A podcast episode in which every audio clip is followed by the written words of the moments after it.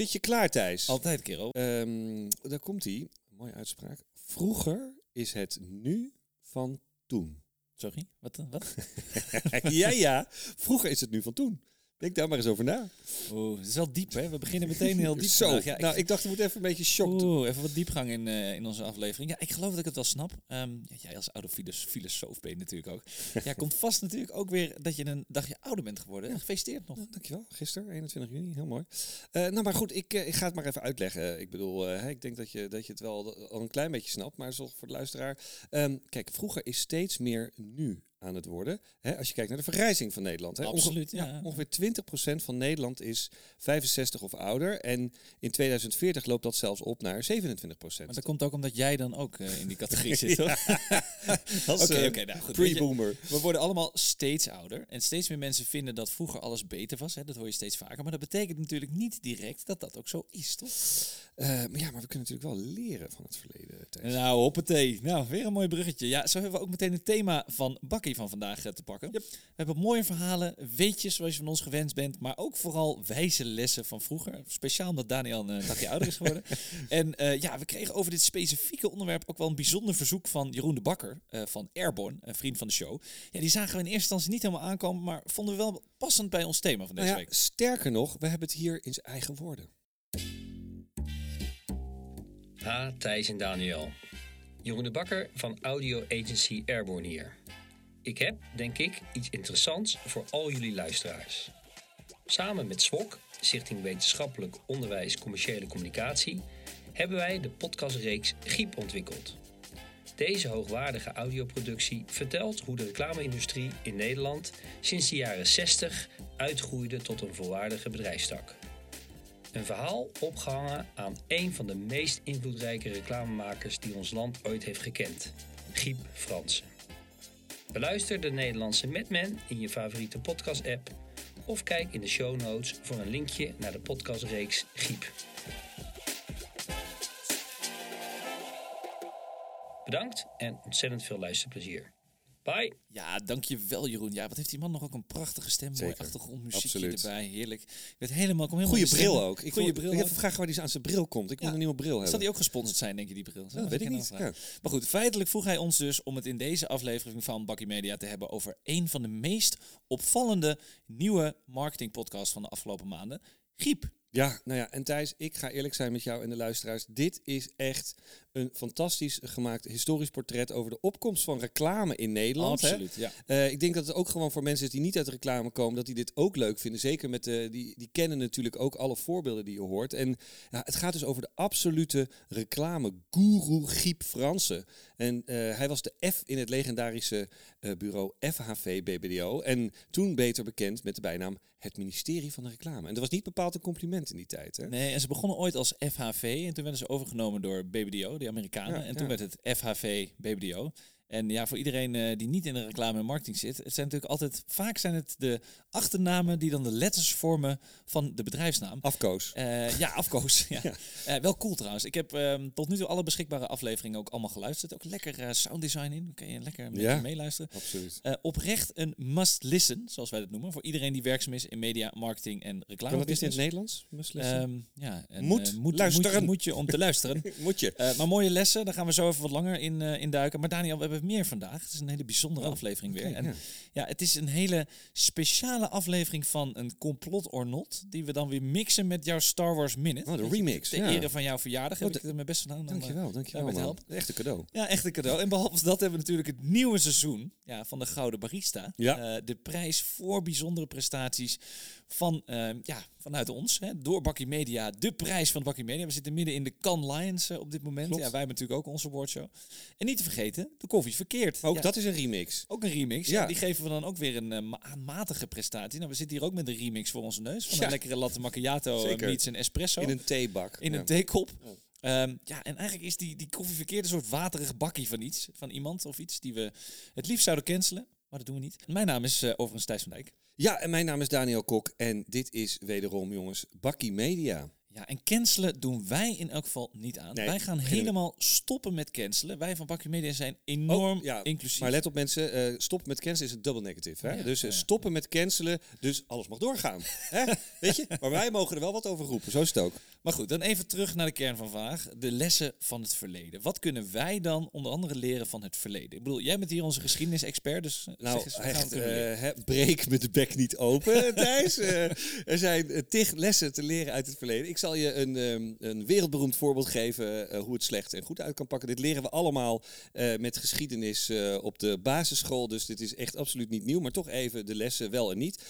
Ja, nadat dus Duitsland de Eerste Wereldoorlog had verloren, kreeg zij van de overwinnaars allerlei vernederende voorwaarden opgelegd. Hè. En dat leverde vervolgens een heel arm en boos land op. En nou ja, dat veroorzaakte dus indirect weer de Tweede Wereldoorlog. En, Ah. ja, en toen die oorlog eenmaal voorbij was, waren er dus allemaal slimme leiders. En Eisenhower en de Marshall hè, van het Marshallplan, die juist dat effect hè, wilden voorkomen. Dat je de, de, de, de verliezer vernedert en dan vervolgens boos maakt. En dan een nieuwe oorlog veroorzaakt. En dus Duitsland die werd beter behandeld. En moet je nou kijken hoe belangrijk dat land op dit moment nu is voor de stabiliteit van Europa. Hmm, Ja, dat lijkt me toch een les die niemand zou Nee, moeten vergeten. denk- dat hebben alle regeringsleiders nu natuurlijk in hun geopolitieke handboek staan.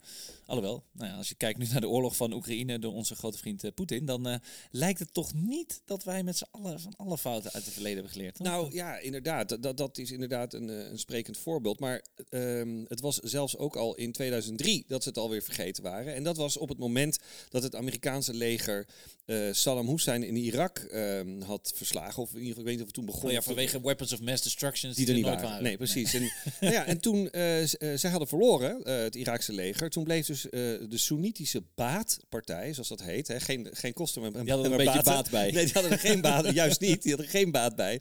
Want die bleven ook toch weer vernederd achter. Hadden ze er toch niet goed over nagedacht. Maar ja, Hmm. goed, dan kun je ook afvragen of inderdaad Bush de, degene was die daar dan het beste over nadacht. Maar nou, en Irak is dus het merendeel van, van dat volk is Shiïtisch. Dus eh, in één keer waren ze van machthebber, waren ze minderheid geworden in hun land. Ja, voel En- je onderdrukt Nou ja, werden ze dus door de nieuwe demo Amerikaanse democratie werden ze weggestemd. En letterlijk heeft de VS toen alle hoge generaals en militairen van deze baatpartij allemaal in een eh, gevangenkamp opgesloten. En die, eh, zoek het maar op en het heet Kamp Buka. Niet Sambuka, maar eh, kamp, Ca- camp, camp Buka. Maar olala, daar zaten dus ook allerlei Al-Qaeda-strijders. En wat er gebeurde, ontstond er dus een soort vermenging tussen eh, extremisten van nou ja, Al-Qaeda en van al die mensen die verstand hadden van, eh, ja, van hoe je een, een oorlog voert. Hè, dus militairen. En daar is dus toen uiteindelijk de voedingsbodem gelegd voor ISIS. Dom, dom, dom, dom, dom, dom, dom. Ehm, en dus de later, las ik ook, de latere leider van ISIS, al-Baghdadi, die vonden ze gewoon niet zo belangrijk. Die mocht lekker daar in dat kamp van de ene generaal, mocht hij naar de Al-Qaeda leiden. Die mocht lekker heen en weer een beetje de boel allemaal organiseren. Maar het is een mooi voorbeeld van hoe het dus niet gewerkt heeft. Hoe de lessen van het verleden niet opgevat zijn. Oh man, echt, wat een verhaal is dit. Het is echt super dom. Maar goed, je kan Bush natuurlijk ook niet helemaal eh schaken. Ja, weet je, dat je zegt van nou, dat is de meest Donald Rumsfeld Dick, intelligentste... Dick Cheney. Ja, de meest intelligente man op aarde. Ja. Ehm, maar goed, dus we leren niet altijd even goed van het verleden. En ja, dit gaat dan alleen nog maar over politiek en geschiedenis. Zijn er ook nog ehm, voorbeelden in, op andere terreinen wat jou betreft? Misschien eh, sociaal, maatschappelijk? Ik bedoel, jij vertelde me laatst ook weer iets over die Nobelprijswinnaar. Hoe zit Ja. dat verhaal ook alweer dan? Ja, ja, ja, ja, ja, ja, ja, dat is ook een goeie. Dat is ehm, Richard eh Thaler. Thaler, ik weet niet hoe je dat zegt. Thaler. Hij is een winnaar van de Nobelprijs voor de economie, ik geloof in 2017. En hij is ook nog eens gedragspsycholoog en hedge fund manager. Oh, multitalent. Mooie, mooie Ja. term ook, hedge fund manager. En hij had het ehm, over het vermogen om te leren van het verleden. Dat is wel heel interessant. Is ook ons eh, topic. Nou ja, iedereen heeft het erover. Maar eh, daarin zoomde hij dus in op het gebrek van historisch besef van jonge traders, van jonge beurshandelaren. En ehm, bewijs laat dus zien dat mensen, en dus ook be- beurshandelaren, die zijn heel erg emotioneel. En die gaan iedere keer, denken ze precies te weten hoe het zit, maar dan gaan ze iedere keer, maken ze dus weer dezelfde fout. En eh, deze groep jonge handelaren, die kent dus niet de gevolgen van de tech-bubble, van de, hè, de World Onlines eh, van de jaren negentig. Bizar, Eh, toch? Ja. en ook bijvoorbeeld in 1987, toen crashten de beurzen keihard en nu, eh, verloren ze 20% van hun waarde, eh, vertelde dus die Richard Thaler. En, ehm, en dat weten ze dus helemaal niet. Dus ze hebben dat referentiekader is gewoon, pff, is gewoon weg. En ze maken gewoon lekker gewoon die, diezelfde fouten. Ja. En misschien moeten we die mensen ook gewoon die films laten kijken, die jij mij hebt laten kijken toen. eh, Wall Street. Wall. Street. Greed is good. Greed is Gordon good. Ja, Gekko. met Gordon Gekko. Ja. Nou goed. Had deze guru ook nog eh, beleggingstips uit het verleden? Dan schrijf ik die gelijk eh, meteen even op. Nou, ik zou zeggen, inderdaad, net zeggen, haal je, je pen en je papier erbij, dan komt die. Want zijn basisadvies was, als je het in heel goed Nederlands zegt, set it and forget it. Nou, jezus. Nou, die, die had ik zelf ook nog wel eh, kunnen Nou ja, bedenken. Wat, een, wat een is dit dan? Nou ja, oké, oké. Hij had nog een aanvulling. Hij zegt, neem een divers portefeuille eh, die sterk gericht is op aandelen. eh, vooral als je jong bent. En dat, Zoals ik. Nou ja, ja, ja, inderdaad, mensen tegen de 40 die.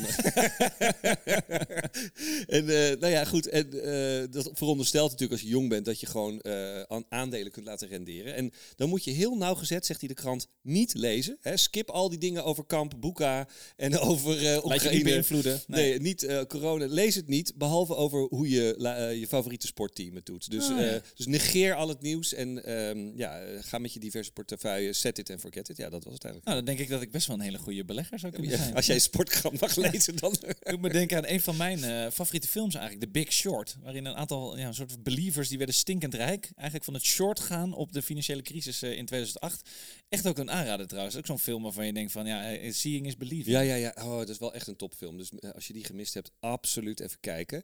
Ehm, maar wat ik dus ook een goede uitspraak vond van eh Thaler, om dat nog eventjes als uit, eh, eh, nabrander te doen. Hij zegt, marktvoorspellers vullen je oren, maar nooit je zakken. Dus mensen die, kun- die zogenaamd kunnen voorspellen. Kijk, nou kijk, hier hebben de luisteraars dus wel wat aan. Ja. Hè? Marktvoorspellers vullen je oren, maar nooit je zakken. Kijk, Beleggingsadvies van een Nobelprijswinnaar. Nice man, ik vind dat wel goed. Dus, eh, toch, wel, eh, toch geven we toch ook wat mee zo. Hè? Kijk, voegen wat waarde toe voor onze luisteraars. levenslessen, ja. Heerlijk. Nou, een beetje leren van het verleden sta ik ook voor open, Daniel. Oké. Net als voor al jouw eh, geschiedenislessen altijd.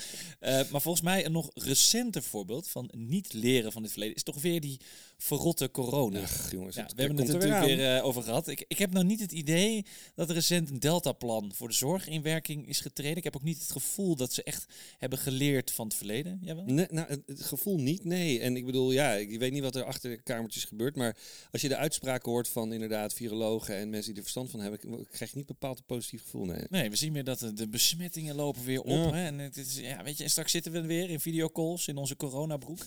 ja, al waag ik dat te betwijfelen, hoop ik dat natuurlijk, weiger ik dat ook gewoon te accepteren. Omdat ik anders een, eh ja, een krat wijn over jou moet geven. ja, anders moet je mij wijn geven. Dat Is klopt. mijn weddenschap weer verloren. Ja, Weet je, dat, dat- laat het geen lockdown worden, minister, minister Kuipers, alsjeblieft. Ehm, ja, in de Volkskrant stond ook een pikante uitspraak weer van een arts en eh, microbioloog Jaap Goudsmit. Die zei, als er voor de zomer geen plan ligt, kunnen we alleen maar bidden dat corona medelijden met ons heeft. Nou, dat is in het verleden ook niet echt Nou, garantie gebleken voor Corona eh, die succes, heeft dikke vette scheid aan ons. Eh, maar goed, ja, dus ik denk dat Jaap wel een punt heeft hier. Slecht nieuws voor Nederland. Goed nieuws voor de wijnkast van familie Kok. Hè? wijnkast, Weet je wel? Ja. Ja. nou die is er nog niet. De, wijn- de wijnkast is er nog niet. Maar ik, ik zet ze gewoon wel even in de garage, joh. Maakt echt niet uit. Geen probleem. Ja. Ehm, dus Thijs, we houden in de gaten. Lockdown wel is eh, inderdaad Daniel Wijn. En lockdown niet is... eh, Thijs Wijn. Thijs Wijn, ja. Zo het. Ehm, maar goed, aan de andere kant Thijs. Misschien is Jaap Goudsmit dan ook weer zo'n voorspeller die alleen je oren vult. Hè? Dat weet je niet. En niet je zakken. Dus, want tot nu toe zijn er ehm, niet heel veel mensen geweest die goede voorspellingen hadden hè, over Rona. Dat, Nee, en zeker ook geen voorspellingen die ook nog eens wat knaken hebben opgeleverd. nee. Zoals bijvoorbeeld bij die beleggingen. Ja, Eh, dank of, je, eh, Richard. eh, alhoewel, als ik nou geld had ingezet op al jouw voetbalvoorspellingen van het afgelopen seizoen, dan was ik al rijk geweest. ja, ik heb mijn Scorita, Scorito pool ook gewonnen dit jaar. Ja, dus, maar dat, als ik dat nou had gedaan, maar dat even als sidestep. Ja, dus dames en heren, misschien moeten we dat ook gewoon een keertje toevoegen. Dat we gewoon Danielse tip van de week ja, over voetbal. dat is En dan wil je geld inzetten, kan dat mede mogelijk gemaakt worden door Toto of Unibet. Daar hebben we geen aandelen in, maar dat moet je gewoon maar even kijken waar je dan. Nou ja, misschien moeten we alle twee doen. En dan kunnen we gewoon aan het einde van het jaar kijken wie het beste Wie het meeste is. geld heeft opgeleverd van de voorspellingen van Ja, Daniel. misschien zijn, wel net als, zijn wij wel net als beurshandelaar dat je denkt, oh nou, Daniel die heeft altijd eh goede voorspelling. Maar dan ga je achteraf kijken en heeft Thijs gewoon Ik, ik, 80. zal, ik zal toegeven dat mijn voorspellingen tot op heden niet echt tot heel veel succes Maar jij gelooft in vorm, want daar moeten we het ook nog maar eens een keer over hebben. Jij gelooft dat zoiets bestaat als vorm. Dus Ja. daar moeten we inderdaad. Oh, ja, Misschien moeten we het ook gewoon eens omdenken. Dus dan doe ik Ja. gewoon het heel andersom. Net als wat Ja. jij van de week zei, van doe het alles het tegenovergestelde wat je normaal zou doen. George uit Seinfeld. Maar goed, Exact. Nou, laten we na ons rondje door de hele wereld en alle geopolitiek eh, en alle corona's eh, het eh, weer even betrekken op eh, het vak van media en marketing. En absoluut. Ja, daar zijn. we voor, toch? Ja. Ehm, een bakje media immers. Ehm, en dan hebben we het over dus de nieuwe podcast Griep, die ons door een heel klein vogeltje is ingefluisterd. Griep, griep, griep, griep, griep, griep. Ehm, waarom is deze snelle reclameman nou eigenlijk zo belangrijk, Thijs? Nou ja, hij, hij is dus een van de grondleggers van de moderne reclamebureaus. En een van de oprichters van, jij zei het al, een van de bekendste bureaus uit de Nederlandse historie, namelijk FHV. Ehm, maar goed, ik ben natuurlijk nog lang niet oud genoeg om over hem iets eh, zinvols te kunnen zeggen. Want volgens mij begon hij al in de jaren 60 of 70. Nou, Ja, toen was 60, ik nog ja. lang niet geboren. Jawel. Ehm dus heb ik het maar even gevraagd aan 74 eh, absolute fanboy Willem Albert Bol, CEO van de Boven Lead. En die ooit nog ook aan het roer stond van TWA PR Company. Dus Willem Albert, kom er maar in. Wij zijn niet zo goed in Nederland met iconen. Maar toen Bakkie Media mij vroeg om het icoon Giep Fransen te duiden, dan eh hoef me niet in te houden. Eh, ik heb hem een paar keer mogen ontmoeten, maar vooral zijn werk. En die spreekt voor zich. Eh Giep Fransen is een Nederlandse marketing-guru, kan je bijna wel zeggen. Terwijl dat waarschijnlijk een woord is wat hij helemaal niet van zou houden. Maar omdat hij er zoveel over heeft gepubliceerd, eh, over heeft onderzocht, maar ook heeft bewezen in de praktijk, kan je dat wel stellen. Het was echt per definitie een merkenman. Een man die kon duiden waarom en hoe merken werkten in, de, eh, in het brein van de consument en waarom het zo belangrijk was en hoeveel waarde dat had. En daar is hij ook ruimschoots voor geëerd. Kok de Grand Honneur, eh, erelid van het SWOK, eh, reclameman van het jaar, et cetera, et cetera. Maar daar was hij wars van, want het ging hem om de inhoud van het werk. En ik denk dat wij allen, als wij zijn werk lezen, kunnen zien dat alles wat daarin staat tijdloos is. In ons snelle vak vergeten we dat wel eens, want wij denken allemaal het moet nieuw, hip en anders. Terwijl sommige waarheden, marketingwijsheden van alle tijden zijn. En heel veel daarvan kan je terugvoeren op Guy Fransen of dat hij het zelf heeft onderzocht, of dat hij ermee werkte, of dat hij het heeft geleerd aan vele generaties na hem. En eh, ik hoop en ik denk dat wij als vak dit soort iconen moeten blijven eren. Niet zozeer om hem op een podium te zetten van, oh wat was het een bijzondere man en oh fantastisch. Allemaal waar. Maar het gaat natuurlijk vooral om zijn gedachtegoed. En dat we leren werken in een wereld waarin bepaalde marketingwetten nog steeds waar zijn en ons werk dagdagelijks beter maken. Dus lieve mensen in ons vak, zorg voor de juiste balans. Neem merken en de werking van merken heel serieus. Want dat maakt ons werk zoveel beter, zoveel effectiever en eh, ons leven een stuk beter. Ja. Nou ja, dat is een, ronkende introductie. Eh, geeft inderdaad wat context. Maar eh, wat maakt die podcast dan zo speciaal voor jou, Thijs? Nou ja, eigenlijk een aantal dingen. Ehm, wat, ik, wat ik leuk vond, ik vond de, de- in de podcast komen allemaal oud-collega's van Giep aan het woord. En dat zijn nu ook mensen die ook echt iets bereikt hebben in, in de industrie. Die je af en toe nog terug ziet, eh, ziet komen. En, en die ook met hem samenwerkten. Hè. De ene was een stagiair, de andere die kwam eh, bij hem werken op een, eh, op, op een andere afdeling. En je hoort de beste man zelf ook aan het woord. eh, op audio uit het archief. Want helaas, hij is niet, meer, ook, eh, ja. niet meer onder ons. En ja, bijvoorbeeld ook ehm, de enige eh, reclamehistoricus van eh, Nederland, Wilbert Scheurs. Misschien dat jij hem eh, zou kunnen opvolgen als eh, content-historicus Daniel Kok. Bullshit historicus. Maar wat ik mooi vond, was samen met erg mooi gemixte muziek, retro tintje, het krakende geluid van allerlei oude commercials. Ja, krijgt een heel sfeervol beeld en gevoel erbij. En ja, hebben ze goed voor elkaar daarbij, Airborne, moet ik zeggen. En wat was dan het, het mooiste moment of de meest memorabele passage voor jou? Ja, vind ik moeilijk om te kiezen, maar een mooi moment vond ik eigenlijk dat om te horen dat Giep en zijn compagnons eigenlijk hun tijd ver vooruit waren en op een hele andere manier naar marketing en reclame eh, gingen kijken. Ze gingen werken met briefings, onderzoek, hadden echt een drie-eenheid op klanten, dus met account, copy en art en waren daarin wel echt baanbrekend bezig en zwommen vaak met het bureau ook tegen de stroming in. En toch wonnen ze echt prachtige accounts met, met ja, historische campagnes die we allemaal kunnen herinneren. Denk aan merken als Douwe Egberts, Albert Heijn, Heineken, Calvé Pindakaas. Zonder hem had onze tune van aflevering 1 van Bakkie Media niet bestaan. Altijd weer een gezellig moment met de lekkerste koffie die je kent. Je bent thuis als je Douwe Egberts drinkt. Nou, goed. Oude Egberts koffie. Exact. Lekkere koffie. Nou, we hebben even wat reclame gemaakt voor die campagne. Maar het zijn natuurlijk niet de minste merken die zij eh, hadden. En ja, ook nog eens iconische eh, marketingcampagnes opleverden. En, maar goed, jij hebt ook zitten luisteren. Ik- denk op zeker, een andere ja. manier dan ik. Ehm, en jij? Wat vond jij? Nou ja, ik, zeker de dingen die jij noemt, eh, die heb ik ook opgeschreven. eh helemaal mee eens. Maar ik vond ook bijvoorbeeld de verteller eh Liesbeth Rasker. Echt uitstekend. Echt een Ja, podcasttalent. heel En mooi. Ja, heel ik meen serieus, ik, ik kende haar naam wel van mijn tijd. Volgens mij heeft ze ook nog een, eh, een zus die eh, interieurstylist is. Dat kan ik vergissen hoor. Maar in- van mijn tijd bij Linda eh, ja, hoorde ik wel eens haar naam vallen. En dan was zij volgens mij meer een soort columnist. In ieder geval een schrijfster. Maar haar stem is echt uitstekend. Ze vertelt het echt heel goed. En ze geeft op een hele fijne manier duiding aan, nou ja, aan dit toch inderdaad historische verhaal. En ik heb ook een mental note gemaakt dat we haar zeker eh, moeten benaderen als we weer een, eh, een tof eh, project hebben. Ja, Nou. Lisbeth, eh, bij deze, de, de oproep. Ehm, Ja. Maar als je dan naar die aflevering kijkt, wat was dan jouw favoriete moment Ja. dat dus blijven hangen? Tot nu Ja, toe? ja, ja, ja, nou dat ging over pitchen. Dat was het moment dat FH, het is echt ook dat ik dacht van shit, dan moet je gewoon echt ook gewoon echt een, ook weer een mental note maken. Dat was het moment dat FHV meedeed aan een pitch en het opnam tegen een concurrerend bureau. Ik ben even de naam kwijt. En zij hadden alle, eh, eh, tenminste dat concurrerende bureau had meer een soort rapportje aangeleverd en een plan van aanpak van nou dit is onze pitch.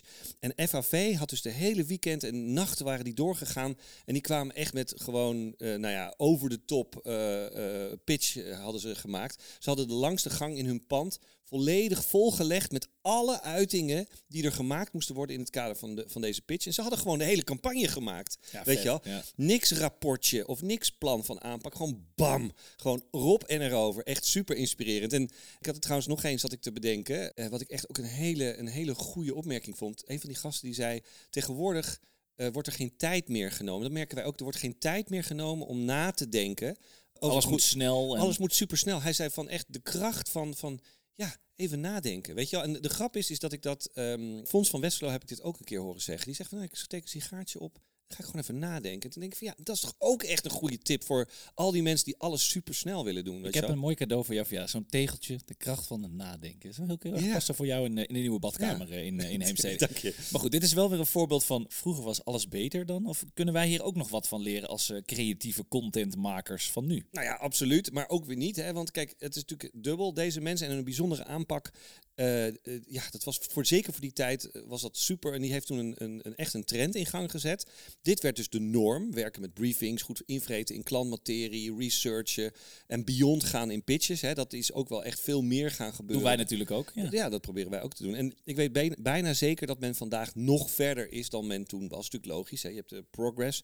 En het gebruiken van data en wetenschap en theorie is nu nog verder ontwikkeld dan het toen was. En ik bedoel het feit dat ja, eh, delen van het marketingproces zijn bijvoorbeeld nu geautomatiseerd. En dat zegt ook wel genoeg. Hè? Dat is- Marketing automation. ja, dat, Mooi, dat, ja. Is, dat is natuurlijk ook eh, nog minder eh, marge voor fouten. En ja, wat, datgene wat, wat ik wel denk dat toen echt beter was, was het echt het pure vakmanschap van die gasten. Zo'n Martin Veldman, hè, de V van FHV, eh, zeg maar de bedenker van heerlijk, helder, Heineken. Weet je wel, supermooi. Dat was gewoon echt een dichter. Het was een virtuoos. En dat was niet zomaar een copywritertje die het leuk vindt om eh, tekstjes te schrijven. Het was gewoon echt een dichter. Dus dat, dat, dat, dat, dat sprak me wel aan. Ik denk wel dat, het, dat die, die mate van vakmanschap, dat je dat nu minder hebt gewoon. Ja. Ja, en voor de mensen die willen weten wie is dan de H in FHV, dat is eh, Nico Heij. Dus dan heb je alles gehad. Hè? Ja, hebben we Veldman, precies. Heij en Fransen, FHV. Ehm, ja, cool mensen. Ik vind, weet je, je moet echt deze podcast Giep gaan luisteren. Zeker als je in ons eh, vak werkt. Ja. Jeroen, Willem Albert, Daniel en Thijs zijn het eens. Dus dat is ook wel heel bijzonder. Ja, Eh, maar niet goed, vaak. Daniel. Deze heren waren natuurlijk echte kunstenaars, zoals je zelf ook al zegt. En laten wij eens een bruggetje slaan naar een andere kunstvorm. En die vinden wij ook allebei heel leuk, die van film. Mooi bruggetje, Eh, Thijs. Ja, nee, in dit geval slaan we een dubbel bruggetje. Oh. Twee bruggetjes. Eh, want we gaan kijken naar hoe storytellers, maar ook hoe filmmakers elkaar nog steeds eh, beïnvloeden. Nou ja, het bruggetje 1 is dat dan? Oké, ja, ja, ja, en de vraag is of die beïnvloeding bewust of onbewust gebeurt. Hè? Dus het gaat het over de Daniel Kahneman. Weet je wel? Dat, Ja, eh, ja, ja. Met andere woorden, complot or not.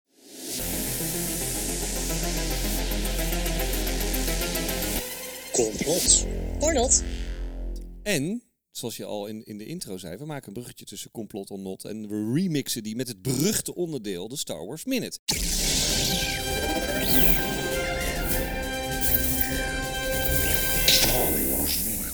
Exact. En dat is alweer bruggetje 2. Ja, want hoe zit het nou, Thijs? Wat is, wat is precies hier aan de hand? Nou, het komt allemaal neer op een stukje eh, stand-up comedy van ene Aaron Woodall. Ook een man met een prachtige naam. Best een grappige vent trouwens. Maar hij maakt best wel een goed punt over hoe Harry Potter volledig gejat is van Star Wars. Nou ja, ik eh, zag het niet aankomen, maar het was wel helemaal ten gunste van Star Wars. Dus oké, ga maar lekker door. Ja, en weet je wat het is?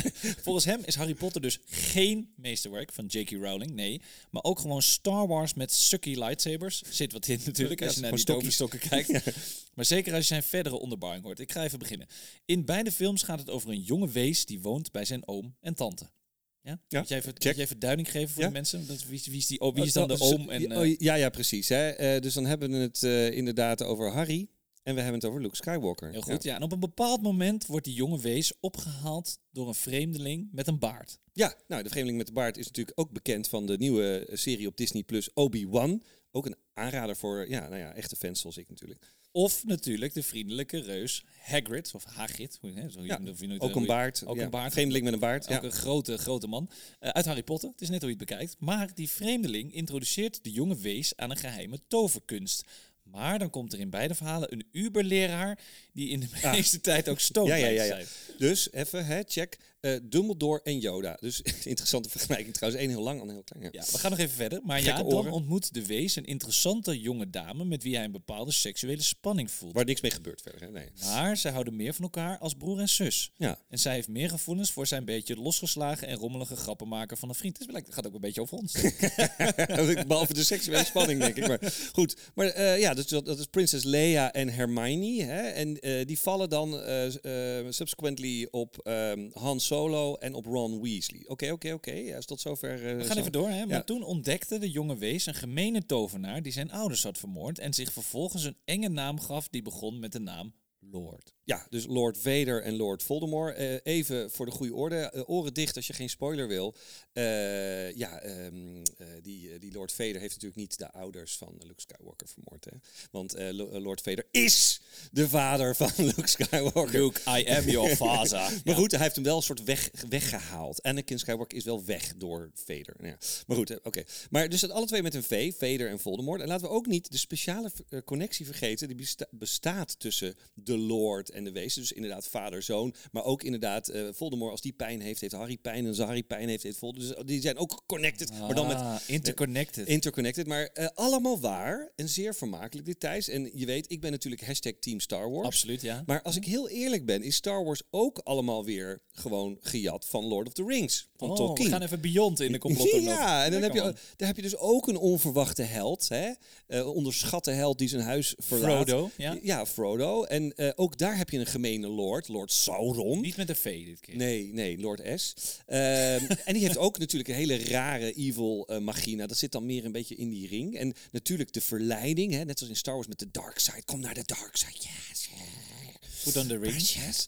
Maar goed, eh, en ook een vreemde tovenaar met een baard. Bam. Ja, Gandalf. Ja, You shall not pass. Nou, oké. ja, en de vreemdeling met de baard, daar zit ook een beetje een parallel. En die wordt in alle drie de verhalen gedood. Ja. Zegt ook weer iets. Alleen Gandalf die komt weer tot leven. Dat ook een beetje... Nou ja, wacht even. Maar Obi-Wan komt ook een soort als een soort geest. eh, Een soort hologram. Hey, help. Maar goed, ja, weet je, we kunnen zo wel even doorgaan. Want in de Bijbel zit ook een man met een baard die geheime toverkunst heeft. En die dood gaat gespijkerd aan het kruis. Maar het verschil is wel dat de Lord dan niet evil, eh, evil is. En de Lord eh, God is natuurlijk ook niet met een V dan, toch? ik- Ehm, Lord Vader. Nou, dat is een beetje Lord, dat is een beetje dubbel op. maar goed, ik zeg Thijs, Complex hoor. deels complot, deels eh, briljant toeval. Ja, mensen, en willen jullie hiermee over discussiëren? Laat het vooral eh Doe dat. achter op bij ons op social. Ik ben heel benieuwd hoe jullie daar ook naar kijken. Maar Daniel, even wat ook heel interessant is. Hè? Interessante materie in het kader van een volgend bruggetje. Laat ik, dit, dit is de, de, de dag van de bruggetjes maken van, eh, van Thijs. Is de Gouden Barista. Bruggetjes naar het verleden. Bruggetjes naar het verleden Ja, heel mooi. en naar de toekomst. Back Ja. to the future Ja. En Space. beyond. Nou ja, goed. Oké, laat maar. eh, die past ook nog een beetje bij het thema, onze Gouden Barista. Ja. Eh, vroeger was alles beter en ja, heeft ook weer iets te maken met een andere meneer, Fransen. Even voor de, voor de goede orde.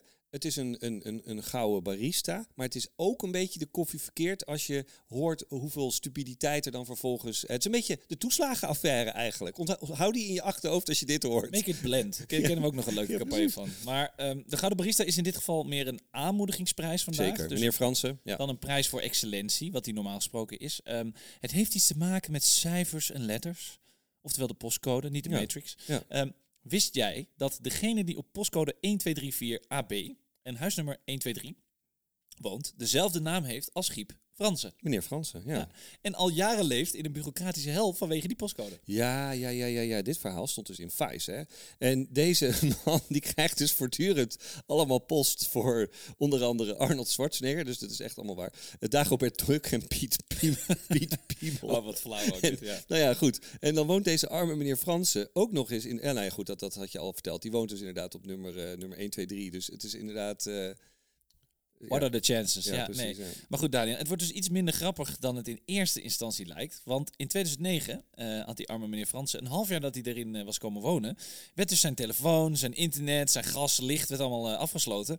Ehm, omdat hij te maken had met wanbetalers die dus misbruik maakten van deze standaard postcode bij verhuisberichten. Ja, Dat ja. heel gênant. hè? En het heeft dus ook alweer mee te, mee te maken dat het sinds een aantal jaren verplicht is bij webshops dat je je postcode invult. Ehm, en dat dus heel veel mensen vaak een fake postcode invullen, want dan halen ze het gewoon op in de winkel en dan willen ze hun postcode niet, eh, of dan halen ze het ergens bij een, bij een eh, pick-up point op. Eh, en dat moet je dan tegenwoordig moet je dan iets invullen. En mensen die vullen dan heel vaak gewoon 1, 2, 3, 4 AB in. En nou ja, goed, in dit geval ehm, was het dus voor deze arme man specifiek. Vroeger was alles beter, want de tijd voor e-commerce was zijn leven denk ik makkelijker. Ja. hey, maar ehm, in het kader van afronding, hè, niet alles was vroeger beter. Want er was ook een tijd, dat, is, dat zullen onze luisteraars niet meer weten, maar dat wij nog geen bakkie Toen waren het nog niet onze luisteraars. Nee, Nee, ja. En sinds een aantal jaar maakt dat ons leven in elk geval ook makkelijker en fijner. En hopelijk ook die van onze luisteraars. Al moeten wij er natuurlijk ook wel weer een eind aan breien vandaag. Ja, ja, ja, ja, helaas pindakaas. Ehm, nou ja, eh, om even in de stijl van Griep eh, en Calvé. Was Calvé, dat was ook een... Café vlag. Pindakaas, ja, zeker. We zijn niet groot mee geworden. Ja, absoluut. Ik bedoel, bijna alle iconische campagnes eh, die we kunnen opnoemen. Maar goed, mocht je deze aflevering nou leuk vinden, geef ons dan wel even vijf sterren op Spotify. Vinden wij ook leuk. Dank daarvoor alvast. Eh, en deze aflevering is natuurlijk terug te beluisteren op alle bekende podcastplatformen. Natuurlijk ook bij onze mediapartner, de Adformatie. En volg ons ook op social media. Want op Twitter via @bakkymedia, op Instagram via @bakkymedia_podcast en ook op Facebook voor onze vrienden en familie. En natuurlijk werd deze aflevering mede mogelijk gemaakt door Audio Agency Airborne. Mijn naam is Thijs van Dijk En ik ben Daniel Kok. en dit was Bakkie Media. Doei doei!